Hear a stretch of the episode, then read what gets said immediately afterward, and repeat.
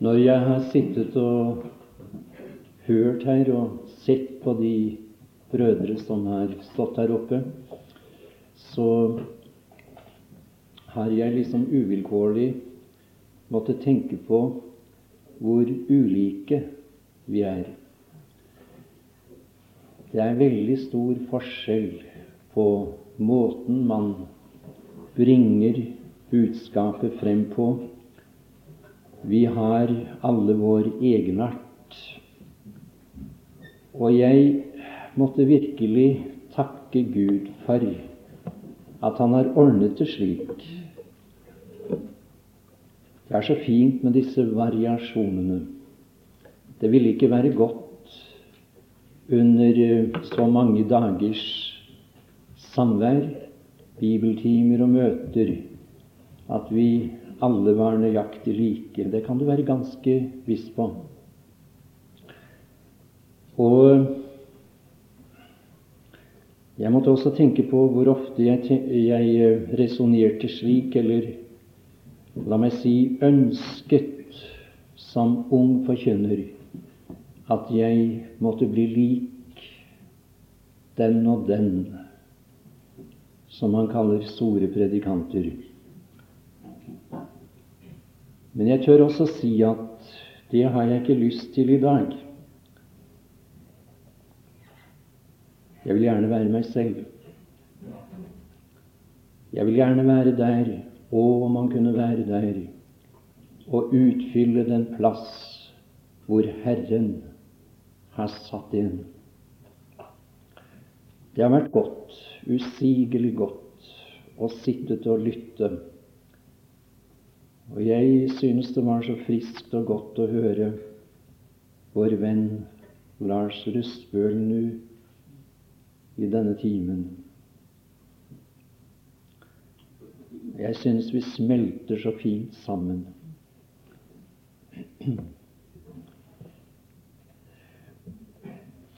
For dere som ikke var i bibeltimen i går, la meg bare nevne at vi da så litt på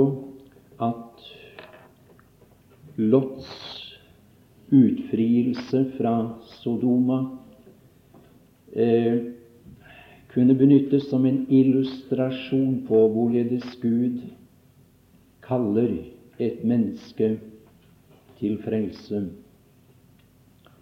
Og jeg nevnte tre ting. Gud talte til ham, Gud skyndte på ham, Gud grep fatt i ham. Og det tror jeg vi skal legge oss på sinne. Jeg håper at Guds ånd kunne feste det i vårt indre menneske. Det kan være noe å, å ta med seg. I dag skal vi skrive ø, som overskrift, som tema, 'rettferdiggjort, men ikke et liv helliget Herren'. Rettferdiggjort men ikke et liv, altså i det praktiske, helliget, atskilt, utskilt, innviet til Gud. Det er eh, emnet for denne time, som sagt. Og vi skal lese videre fra det 17. vers i Første Mosebok, det 19. kapittel. Første Mosebok, kapittel 19, fra vers 17. Da de hadde ført dem ut, sa den ene, fly for ditt livs skyld, og se deg ikke tilbake, og stans ikke på hele sletten. Fly opp i fjellene for at du ikke skal bli revet bort. Da sa Lot til dem, Å nei, Herre, se din tjener har funnet nåde for dine øyne, og stor er den miskunnhet du har vist meg ved å frelse mitt liv. Men jeg kan ikke fly opp i fjellene, for da kunne ulykken nå meg så jeg døde.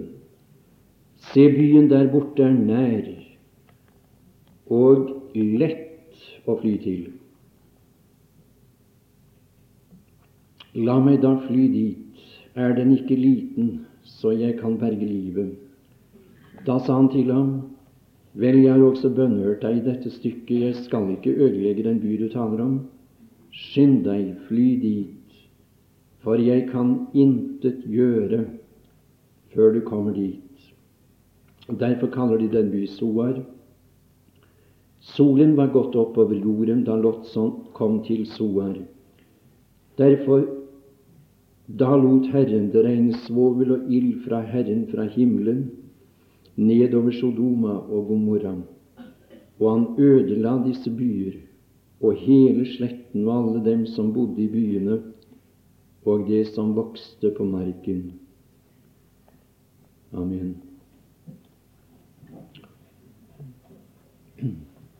Vi skal for det første i denne bibeltime understreke, og det håper jeg at du må kunne huske Lot var en frelst mann i gammeltestamentlig betydning allerede da englene besøkte ham i Sodomas eller ved Sodomas byport. Han var frelst. Han var en troende. Og det å være en troende i den gamle pakts tid. Det betyr, sier Skriften, at han var en rettferdiggjort mann. En rettferdiggjort mann. Eh, vi skal lese fra 2. Peters brev til 2. kapittel, og det skal vi se Vi skal ta med fra det fjerde vers, men det er spesielt vers syv og åtte jeg vil henlede din oppmerksomhet på i denne forbindelse. Uh, Ann Peters brev, vil du notere det? Kapittel 2 og vers fire til åtte. For så sant Gud ikke sparte engler da de syndet, men styrtet dem ned i avgrunnen og overgav dem til mørkets huler i varetekt til dom, og ikke sparte den gamle verden, men oppholdt rettferdighetens forkynner Noah selv åttende, den gang han førte vannflommen over en verden av ugudelige og la byene Sodoma og Gomorra i aske og fordømte dem til undergang, og dermed har satt dem til et forbilde på de ugudelige i fremtiden, og fridde ut Merk nå det. Jeg tror hvis du ikke har gjort det før, så skal du merke deg eh, hva det står her om Lot. Strek derfor under de ordene Den rettferdige Lot, som plagedes ved de ugudelige, skamløse ferd. Så kommer det igjen to ganger. Finner Guds ånd det nødvendig å si dette om Lot. For den rettferdige som bodde blant dem, led dag for dag pine i sin rettferdige sjel. Ja, der har du det igjen tre ganger. Tre ganger er det sagt Lot var rettferdig. Eh, I sin rettferdige sjel ved de lovløse gjerninger han så og hørte. Lot var et frelst menneske, og det å være et frelst menneske så vel i den gamle pakts tid som i den nye, det innebærer eh, Det omfatter blant annet, og det, det er noe usigelig stort, kunne vi bare se det nå, kunne bare Guds ånd få dra sløret fra våre øyne så vi kunne kanskje se det klarere enn vi har gjort før. Det betyr at vi er rettferdiggjort. Rettferdiggjort. Eh, hvorledes ble Lot rettferdiggjort for Gud? Eh, jeg synes det er så veldig fint det som doktor Ironside sier i, i denne forbindelse. Ikke akkurat i forbindelse med Glott, men når det gjelder de gammeltestamentlige troenes frelse og rettferdiggjørelse. Han sier det slik Hør nå, noter deg det. De ble frelst på kreditt. Er fint. De ble frelst på kreditt. Og det betyr de ble frelst på grunnlag av det offer som en gang ble brakt på Golgata. Kristi offer. Hans stedfortredende død for våre synder efter Skriftene, som Bibelen sier. Frels på kreditt. Det er ikke vi. Vi ser ikke frem til at verket skal skje, men vi, Gud være takk, vi kan vende oss tilbake, og så ser vi 2000 år tilbake i historien og konstaterer ut fra Bibelen det er skjedd, det er gjort, det er fullbrakt, det er ordnet, det er klart. Rettferdiggjort. Han ble rettferdiggjort på samme måte som Abraham ble det. Vi leser nemlig om ham i Første Mosebok, det 15. kapittel. Abraham trodde på Herren, og Herren regnet ham det til rettferdighet. Og Det var det vi ble minnet om til en åpning av bibelkonferansen i år. Det som er sitert fra Første Mosebok 15 i, i Romebrevets fjerde kapittel. Du husker at Landro leste der at eh, Abraham trodde Gud, og han, Gud, regnet han det til rettferdighet. Hva vil det si, mine tilhørere? Hva betyr det at vi er rettferdiggjort? Rettferdiggjort. Det er én ting at du har mottatt syndenes forlatelse, at Gud har utslettet alt. Det var det vi talte om i går. Det er det man griper først og fremst når man kommer til Gud. Det er det budskap man forkynner i første hånd til den ugudelige, til de som er utenfor. Det er budskapet vi har å gå med til verden. Gud vil tilgi, utslette, glemme dine synder på grunnlag av Kristi verk på Golgata kors. Men det å være frelst, det betyr noe langt mer. Og jeg er redd for at mange mennesker de lever ved troen på Kristus, riktignok, men de ser ikke stort mer enn dette at de har syndenes forlatelse. Og ofte så svever de mellom håp og tvil også hva denne sak angår. Hør nå hva Bibelen sier. Vi går til Romerbrevet. I det tredje kapittel, Romerbrevets tredje kapittel, og vi skal der lese vers 23 vers 23 og 24. Mm. Jeg liker å tenke på romerbrevet som en stor rettssal. Jeg vet ikke om du har forestilt deg det når du går inn i dette brev, når du åpner Bibelen og, og leser i romerbrevet, begynner fra begynnelsen av eh, i dette brev og leser, da finner du at i de to første kapitlene og en del av det tredje kapittel forteller deg at du kommer inn i dette brev som en synder, som en som er skyldig, skyldig til dom, evig straff.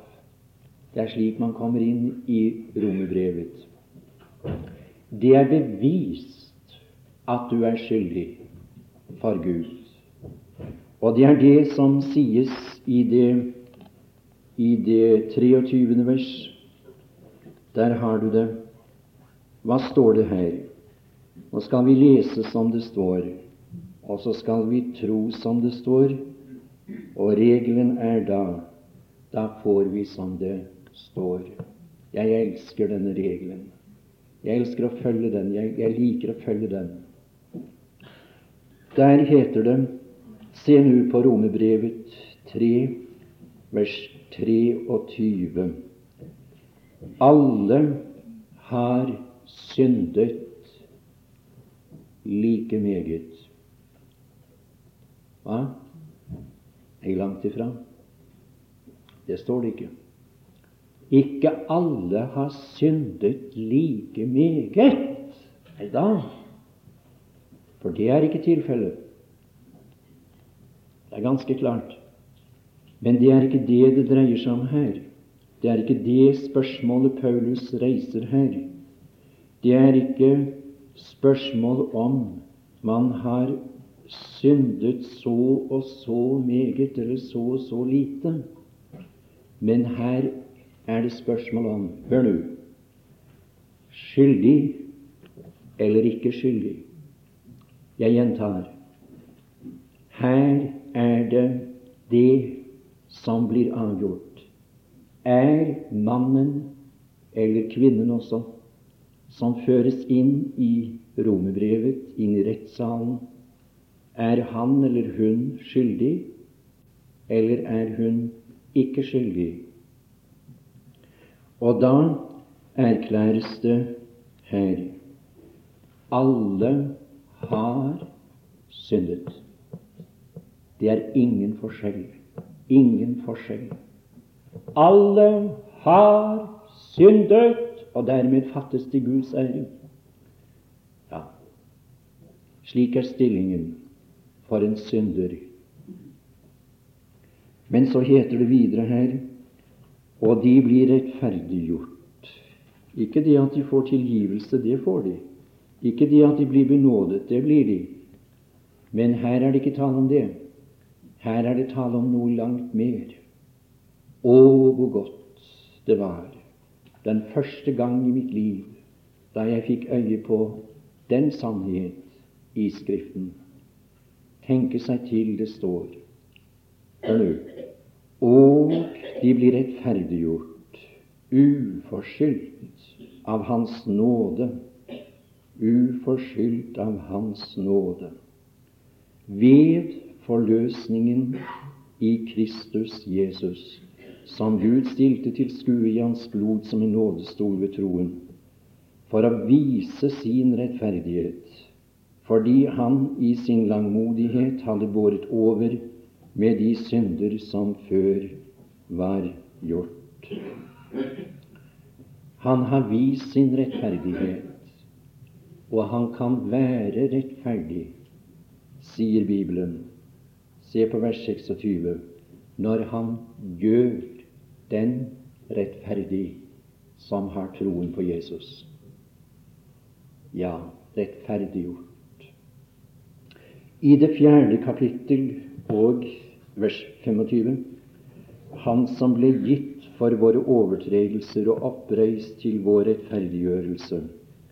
Oppreist til vår rettferdiggjørelse. Og det undrer meg ikke at apostelen må utbryte i det femte kapittel og vers 1, altså i det følgende vers.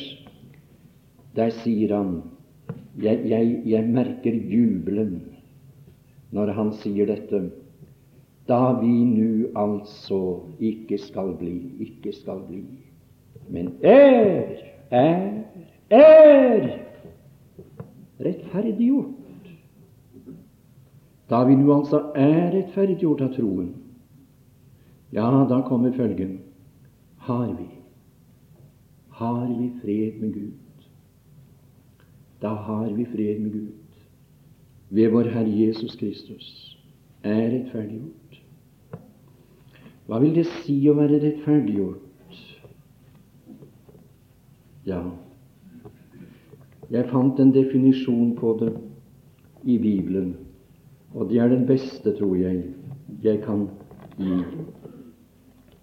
Ehm, det er Kolossensebrevets første kapittel og vers 12. Kolossensebrevets første kapittel og vers 12. Men før jeg leser dette, så har jeg lyst til å spørre Er du redd for, er du bange for, at du ikke skal passe for himmelen? Er du det? Er du redd for at Herren ikke skal rykke deg opp om Han kommer mens vi er forsamlet her? Jeg er ikke, jeg er ikke så, så, langt jeg har kunnet eh, bedømme meg selv, noen svermer. Men det tør jeg si, og det har jeg lyst til å understreke. Jeg tror at Herren kan komme hva tid som helst, og jeg venter ham hver dag. Det går ikke en dag av mitt liv nå uten at jeg tenker på den sannhet. Kristus skal komme. Han kommer for å rykke alle de frelste opp. Jeg skal komme litt nærmere inn på det i morgen i bibeltimen, i, i en litt annen forbindelse. Men sett nå at Herren kom mens vi var samlet her. Ja, jeg holdt på å skulle si Jeg jeg skulle vært glad, jeg skulle vært usigelig glad for å, for å kunne gå inn til min Herre, min Frelser, min brudgom, konfronteres med Ham, se Ham som Han er for første gang, bli rykket opp. Når jeg sto og prøvde å si noe om Ham ut fra Hans bok, her på bibelkonferansen. Jeg vet at jeg vil bli med hvor han enn finner meg. Men det ville jo være godt Kanskje jeg har tenkt det slik om jeg lå på mine kne og var opptatt med ham i tilbedelse. I tilbedelse. I hellig beundring gjennom Skriften. Så bar det rett opp så inn i hans nærhet. Det ville være fint. Eller jeg sto og tjente ham og forkynte hans ord, evangeliet. Tror du at du er passe for himmelen? Tror du at uh, du vil bli med om han kom nå? Jeg vet ikke om det er noen av dere som tviler på det. Tvilen er ikke fra Gud. Husk det. Nei. Det er noen uh, som forkynner slik at det er bedre jo mer tvil man har. Ja, det har jeg hørt. Jeg har, det har jeg hørt altfor meget av. Du må tvile. Du skal tvile. Det har også dere hørt. Men uh, dette finner jeg ikke støtte for i Skriften.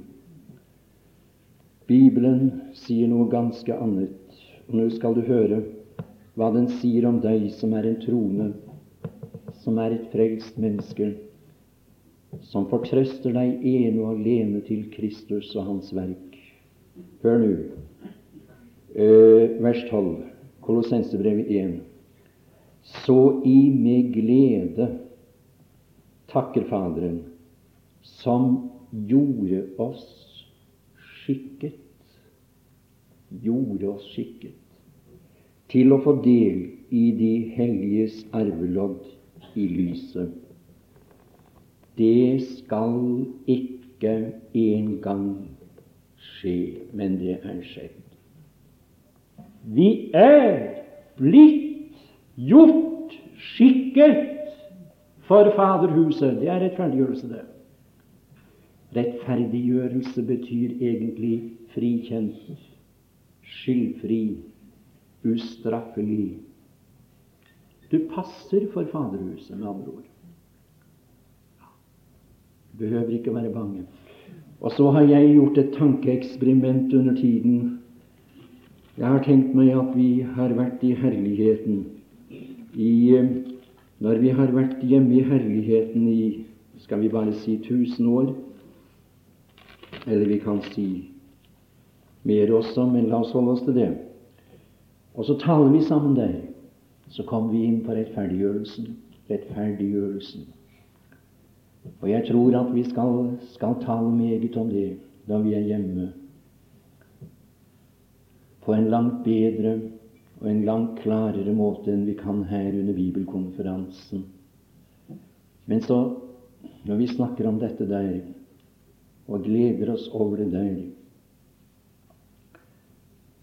så, så, så har jeg stilt det spørsmål Er vi mer skikket for Faderhuset da, når det gjelder rettferdiggjørelse, enn vi er i i dag. Tror du det? Tror du du er mer skikket da? Tror du du passer bedre for herligheten, for, for dette velsignede, herlige sted som Han har beredt for oss da, enn du er nå? Langt, langt ifra. Du er like skikket for Faderhuset der du sitter som en trone i formiddag, som du vil være det gjennom alle evigheter. Det er Guds ords klare tale. Rettferdiggjort. Skikket. Vi passer for himmelen. Det skjedde da vi kom til troen, sier Bibelen. Og det skjedde også med Lot da han kom til troen. Men uh, vi skal da skrive, og det blir da romertall uh, to her i denne, i denne bibeltimen feil retning. Feil retning. Første Mosebok 13. Første Mosebok 13. Og vi skal lese litt der. Vi skal komme tilbake til det litt senere, men nå skal vi lese eh, fra vers 1 til 12. Så dro Abraham fra Egypten opp til Sydlandet med sin hustru og alt det han eide, og Lot var med ham.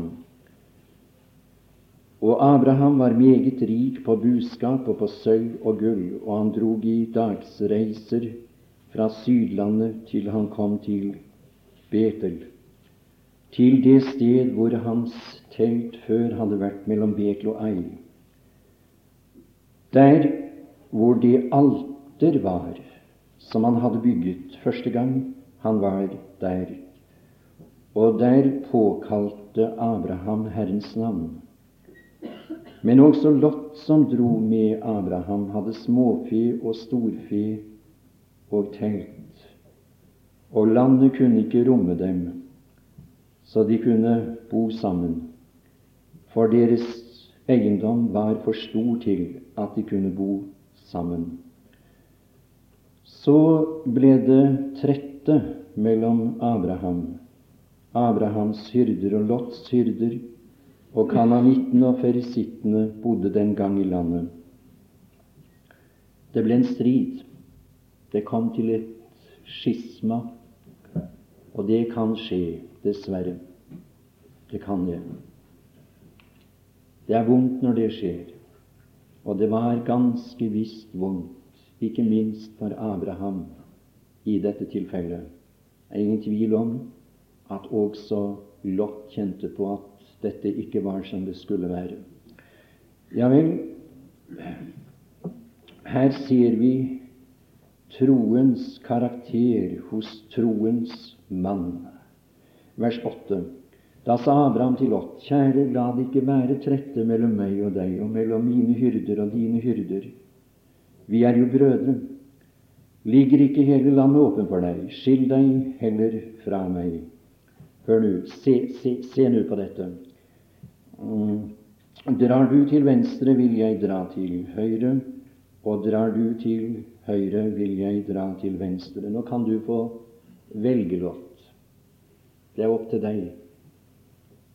Men, men, men, vi må skilles.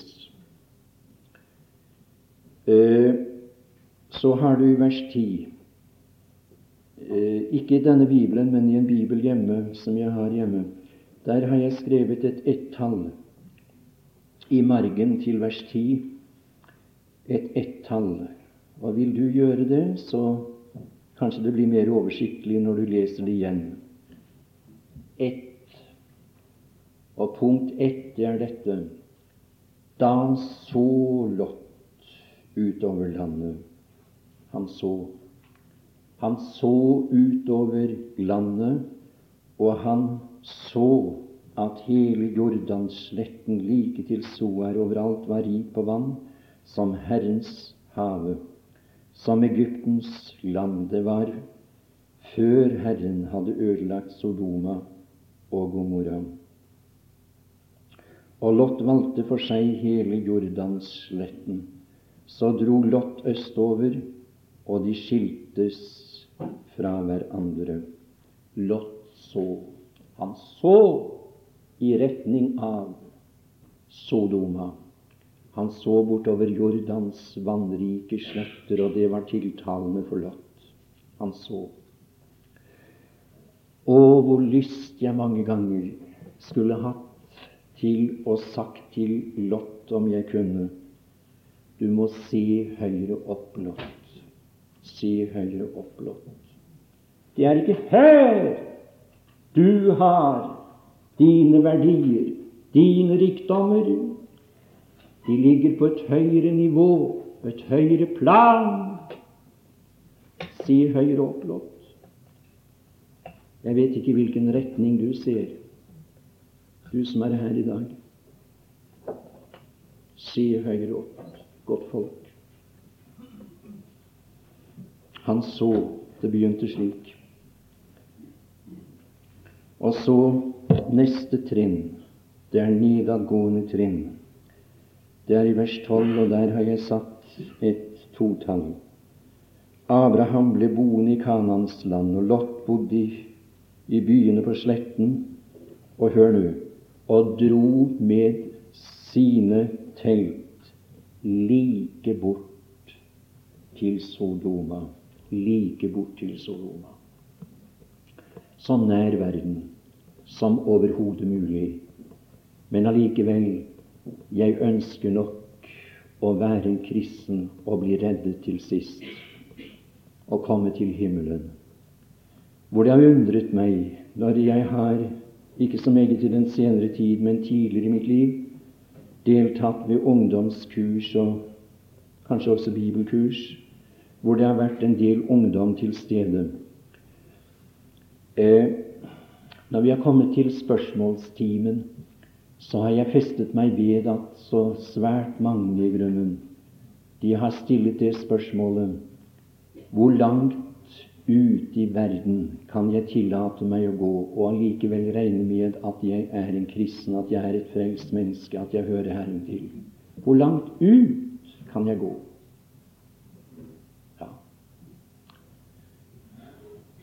Jeg må si det at jo mer jeg har lært Herren å kjenne, det er i hvert fall mitt personlige vitnesbyrd her nå. Så har det blitt uh, noe annet som har interessert meg langt mer. Og det er hvor nær Gud, hvor nær himmelen kan jeg komme mens jeg vandrer ved tro på Kristus her.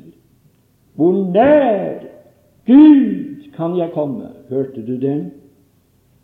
Er det det som er din lengsel? Jeg håper det. Og jeg har truffet noen. De levde himmelen så nær. Om igjen ble det sagt han levde mer innenfor forhenget enn utenfor. Og det ble sagt på begravelsesdagen av en kjent forkynner i vårt land om ham som gikk bort, for han er hjemme i herligheten, han jeg her tenker på, bar himmelen med seg.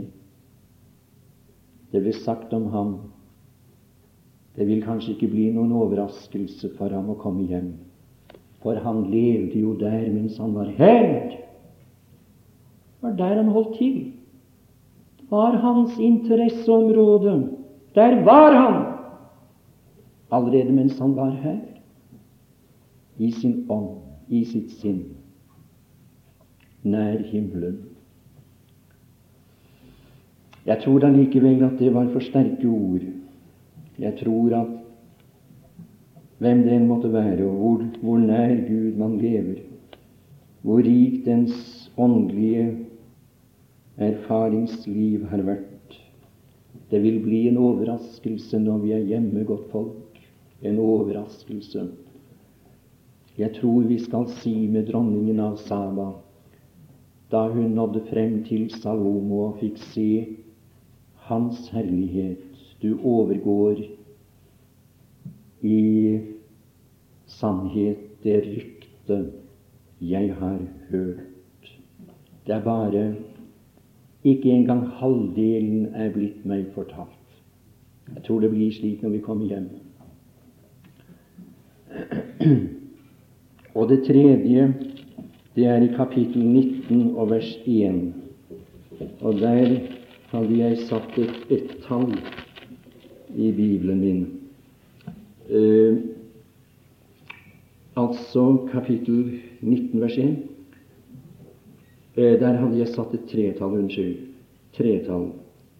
Der finner vi nemlig Lot i Sodoma. I Sodomas byport. Han var blitt en av lederne i dette råtne samfunn.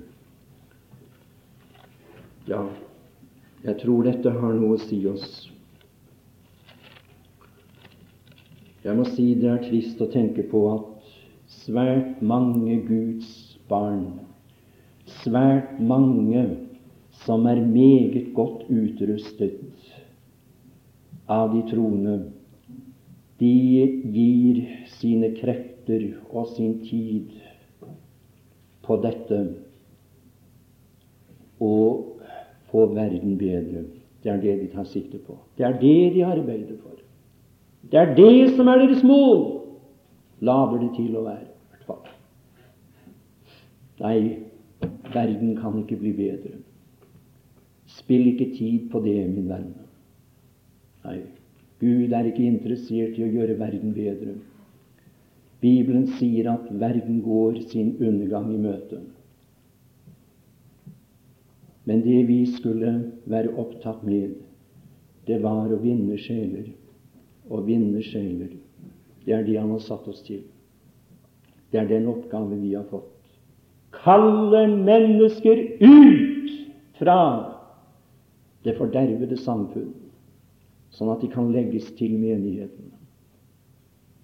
Bli frelst, bli reddet for himmelen. De hadde sine følger, og vil du også da skrive et romertall tre følgende av at Lot inntok en feil plass. Nå blir det noe kanskje negativt, men jeg tror det kan virke advarende. Jeg håper i hvert fall det. Og jeg tror også at det er meget aktuelt, dette i dag. Meget aktuelt. For eh, så langt jeg har kunnet se, så har de troende blitt temmelig versliggjort i den senere tid. Versliggjort. Følgende Lot tapte meget. Han tapte meget. Han tapte for det første sitt samfunn med Herren. Dette inderlige, fortrolige, åpne, intime samfunn med Herren.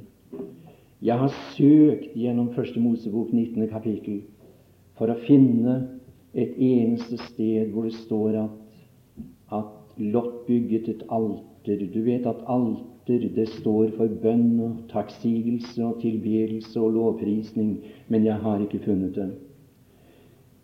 Jeg vil tro at Lot ba til Herren. Jeg vil tro at han hadde kontakt med Herren. Det hadde han naturligvis som en rettferdiggjort. Men uh, denne intime forbindelse med Herren, den ser det ut for var brutt for hans vedkommende. Et brutt samfunn. Og hvis det er noe som kan tære og nage, smerte og uroe og gjøre vondt i et Guds barns liv, så er det når man lever i et brutt samfunn med Herren. Jeg kommer til å tenke på Ja, jeg har tenkt på ham tidligere i dag. Eh, en, eh, en mann som ble omvendt i en vekkelse på et sted her i landet for mange, mange år siden. Det var en stor vekkelse, en gjennomgripende vekkelse. Og han som jeg nå tenker på, var en av dem som ga seg over til Gud og ble frelst. Han var ivrig, han var varm, han var nidkjær i tjenesten for Herren på sitt hjemsted. Men så reiste han til utlandet, jeg skal ikke si hvor, men dit, eller der hvor han kom, der kom han under dårlig innflytelse, og det førte til at han etter hvert kom på avstand, kom lenger og lenger bort fra Herren. Eh, om noen år så kom han tilbake til sitt hjemsted her i Norge, og da viste det seg at uh, han var ikke å finne mer iblant de troende. Da de var samlet til møter, til evangeliske møter og til såkalt småmøter, da var Jostein der ikke. De savnet ham. Under tiden traff de ham på veien. De talte med ham, og det viste seg jo at Jostein var langt mer inne i de forskjellige ting i Guds ord enn de troende for øvrig var. Og han slo gjerne om seg med skriftsteder. Jeg virket der på stedet for noen år siden, og det er slik for oss som prøver å forkynne Guds ord, at under tiden kan det være vanskelig å bli stille for hva en skal tale over om aftenen i møtet. Jeg hadde en serie møter der, og jeg husker så godt den dagen var det veldig vanskelig å bli klar over hvilket budskap Herren hadde å bringe gjennom meg. Og jeg, jeg bøyde mine kne, og jeg ba, gi meg det rette ord og det rette budskap å bringe. Den aften ble det så jeg talte over, over ja, det var åndelige lærdommer i forbindelse med Noah eh, fra Første Mosebok seks og syv og åtte. Og blant annet så sier jeg der Har du lagt merke til at eh, Noah, da vannet var begynt å sunket, har du lagt merke til at Noah da sendte ut to fugler? Jeg vet ikke om dere har lagt merke til det. Jo, det har dere sikkert. Hvilken eh, fugl var det Noah først sendte ut? Kan dere svare på det? En ravn, ja. En ravn. Vi kunne kanskje lese det fra Første Mosebok i det, i det åttende kapittel. Uh, fra vers seks. Og da de 40 dager var, var gått, åpnet Noah vinduet på arken som han hadde gjort, og sendte ut en ravn. En ravn. Den fløy frem og tilbake inntil vannet var tørket bort av jorden. Og så understreket jeg det ravnen som Noah sendte ut, den kom aldri tilbake til ham i arken. Ravnen kom ikke tilbake. Hvorfor det? Jo, jeg prøvde også å gi et svar på det, og svaret var fordi den var en ravn. Fordi den var en ravn.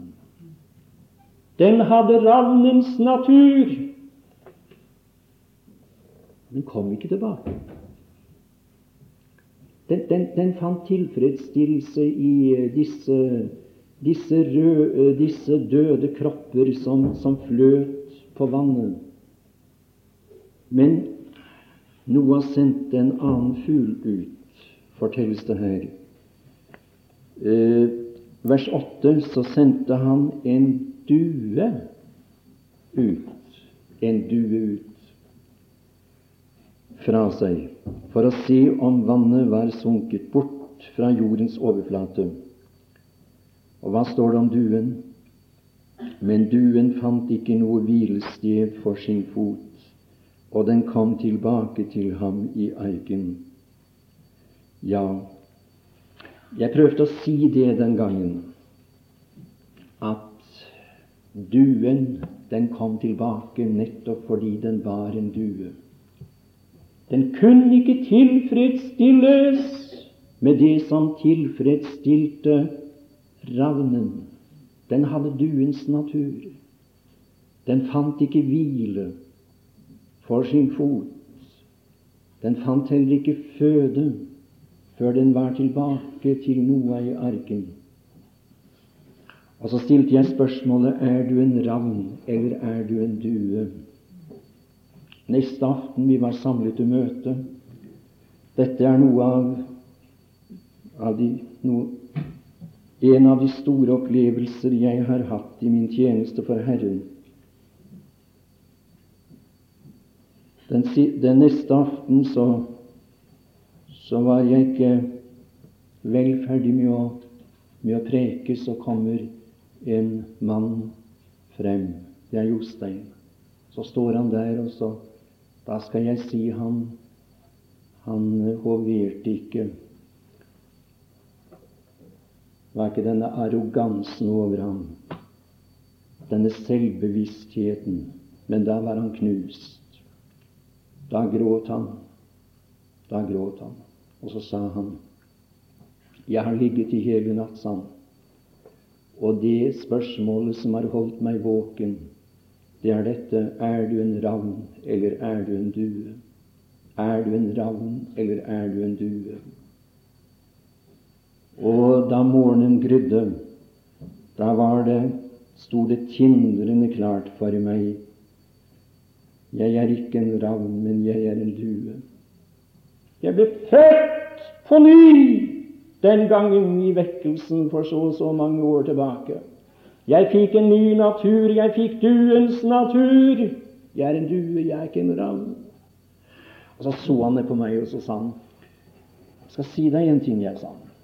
Du prøvde å beskrive hvordan en som har tatt samfunnet med Herren og levde i verden som en troende, hadde det, eller kan ha det. Men, men, det klarte du ikke, sånn. Det klarte du ikke. Jeg skal si deg, det har vært langt, langt verre enn det du beskrev. Jeg prøvde å være sammen med verden. Jeg prøvde å gå til danselokalet. Jeg prøvde å gå til bedehuset. Jeg prøvde Men jeg fant meg ikke hjemme noen steder. Og du vet ikke, sa han, hvordan det har vært gjennom disse årene, hva jeg har gjennomgått Hvilken pine jeg har kjent uavbrutt i denne tiden. Å, det skulle ikke være noen her i formiddag som en gang syntes det var så lykkelig å bøye sine kne og, og tale med Herren og sitte bøyet over en åpen bibel og være sammen med de hellige og kjenne samfunnet, dette forunderlige samfunnet. Det skulle ikke være en eller annen som, som er kommet ut fra arken i overført betydning, som er kommet på avstand. Du har det så vondt, så vondt, så vondt. Jeg skal si deg en ting, min venn. Hvis du er en due, da finner du ikke hvile eller føde før du kommer inn i arken på nytt, og samfunnet med Herren er gjenopprettet. Det gjør du ikke. Han tapte sitt samfunn lott. Han tapte sin åndelige innflytelse. Det er nummer to. Punkt to. Han tapte sin åndelige innflytelse. Han tapte sin kraft i vitnesbyrdet. Ja, og det er ord og ord og ord. Hvor er kraften fra det høye? Det er den jeg savner, og det er den jeg i stort monn savner hos meg selv. Å, om vi kunne virkelig altså være grepet av sannheten selv når vi bringer den frem. Og om vi kunne gi oss i budskapet, virkelig. Han er det verd, han som døde for meg, at jeg gir ham mitt liv. Og vet du hva jeg har bedt om? Ja, det blir mye personlig, dette. Jeg har bedt om, spesielt i denne forbindelse, at det ikke må være med meg som med Lot, for det står her at uh, Ja, det er i det 14. verset. Nå skal vi lese det igjen. Leste det i går. Da gikk Lot ut og talte til sine svigersønner, dem som skulle ha hans døtre, og sa:" Stå opp og gå bort fra dette sted, for Herren vil ødelegge byen. Jeg synes det er vemodig å lese eh, disse ordene.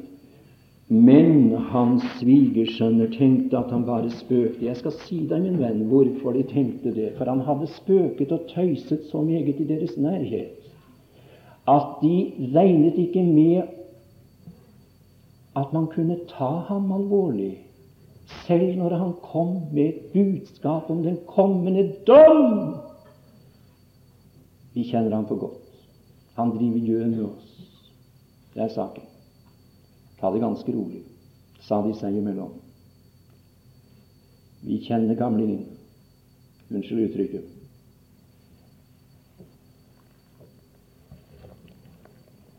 Og ja, jeg har sitert det så mange ganger. Men det er så fint. O, la mitt liv om Jesus tale. Må vi leve Herren så nær at vi blir tatt alvorlig når vi forkynner evangeliet, i hvert fall. Når vi, når vi forkynner om den kommende dom over denne verden. Når vi taler det profetiske ord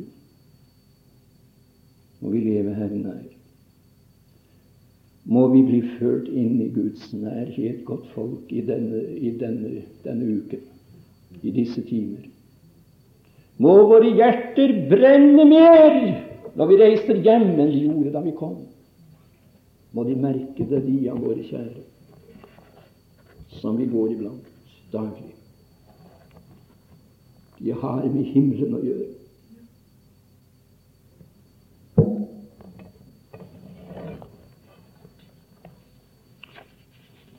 Han tapte mer. Men jeg vet ikke, jeg Ja, nå er det snart middag. Men jeg har ikke fått sagt halvparten av det jeg skulle si. Uh, allikevel må jeg få lov å be om noen minutter til. Han tapte sin hustru. For det står her eh, 26. Men Lots hustru som fulgte ham, så seg tilbake. Da ble hun til en saltstøtte tapte sin hustru. Der står hun nede på sletten. Hennes hjerte var i Sodoma. I det ytre var hun kanskje en bekjenner. Men hennes hjerte var i Sodoma, og hun ble der. Hun ble der. Tapte sin hustru. Jeg sa det i går, og jeg sa jeg ville gjerne komme litt nærmere inn på det, men tiden tillater ikke det nå. Jeg bare får lov å peke på at etter hvert som jeg nærmer meg herligheten, så ønsker jeg å ha noe med hjem som jeg har vunnet for Herren her. Og må de ønske bli sterkere hos oss. Hvor, hvor tok Abraham veien? Hvor gikk han da de skiltes, disse to? Ja, vi må lese om det. Vi må lese om det. Det er i det, det 14. kapittel. Det er i det 13. kapittel, unnskyld, og det 18. vers. Og Abraham flyttet sine telt og kom til Mamres trebintlund i Hebron. Der bosatte han seg. Der bosatte han seg. Og hva var det første han foretok da han kom til dette sted, Hebron? Det var å bygge et alter for Herren. Et alter for Herren. Han gikk i gang med å bygge alter med det samme. Alter, jeg sa det. Bønn, takk, tilbedelse, lovprisning. Han tok til Hebron, han. Hebron. Hebron betyr selskap. Mamres betyr vigør, styrke eller vigør, er det også noen som mener. Og, og at det betyr selskap. Fikk han selskap i Hebron? Les vers 1 i kapittel 18. Han, jeg skal gjengi det nå, så, så tar det ikke så mye tid. Eh, Abraham sitter i sitt telt, i åpningen til sitt telt midt på heteste dagen. Og som han sitter der, så ser han tre menn komme gående. Eh, hvem er det? Det er Herren selv, ledsaget av to engler. Og han skynder seg inn i teltet til Sara, sin hustru, og så sier han nå må du gå i gang med å bake. Elg tre mål fint mel og bak kaker. Vi har fått besøk. Vi har fått besøk. Ikke sånn alminnelig besøk, altså, men besøk fra himmelen! Herren selv er kommet. Bak kaker, Sara. Slakk kalven. Han forordnet det hele. Uh, ja, uh, så tok han rømme og søt melk og gikk ut til mennene. Så holdt de måltid der i Terebinterlunden, i Hebron, i Mamres.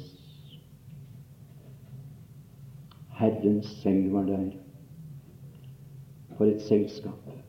For et selskap. Vårt samfunn, vårt samfunn. Jeg har tenkt på det i disse dager. Jeg har tenkt sterkt på det i dag i denne sammenheng. Du store tid for, for et selskap det er dette her. Selskap! Vårt samfunn. Vårt selskap. Samfunn, det er å eie og dele noe i fellesskap, var det en som sa. Det var fint, det. Fin definisjon, det. Eie og dele noe i fellesskap. Er det ikke det vi driver på med her nå? Det vi eier i fellesskap, det deler vi i fellesskap. Er det ikke det? Er ikke det som gjør at vi smelter sammen, at vi er så glad for å se hverandre, at vi kjenner disse varme håndtrykkene om dagen? Mm, hør nå. Vårt, der er vi. Vårt samfunn er med Faderen og med Hans Sønn Jesus Kristus. Det er samfunn, det. Det er selskap, det. Jeg trives der i Hebron. Selskap. Og der skal jeg si deg, der er jeg i åndelig vigør. Og jeg har tenkt på det disse dager. Eh, aldri har jeg kjent det så godt og eh, Aldri har jeg funnet meg så vel til rette å være en Herrens tjener eh, som i den senere tid, og kunne vel egentlig begjære å gå med så salig bud. Vår Gud, vi takker deg. I ditt verdige navn. Amen.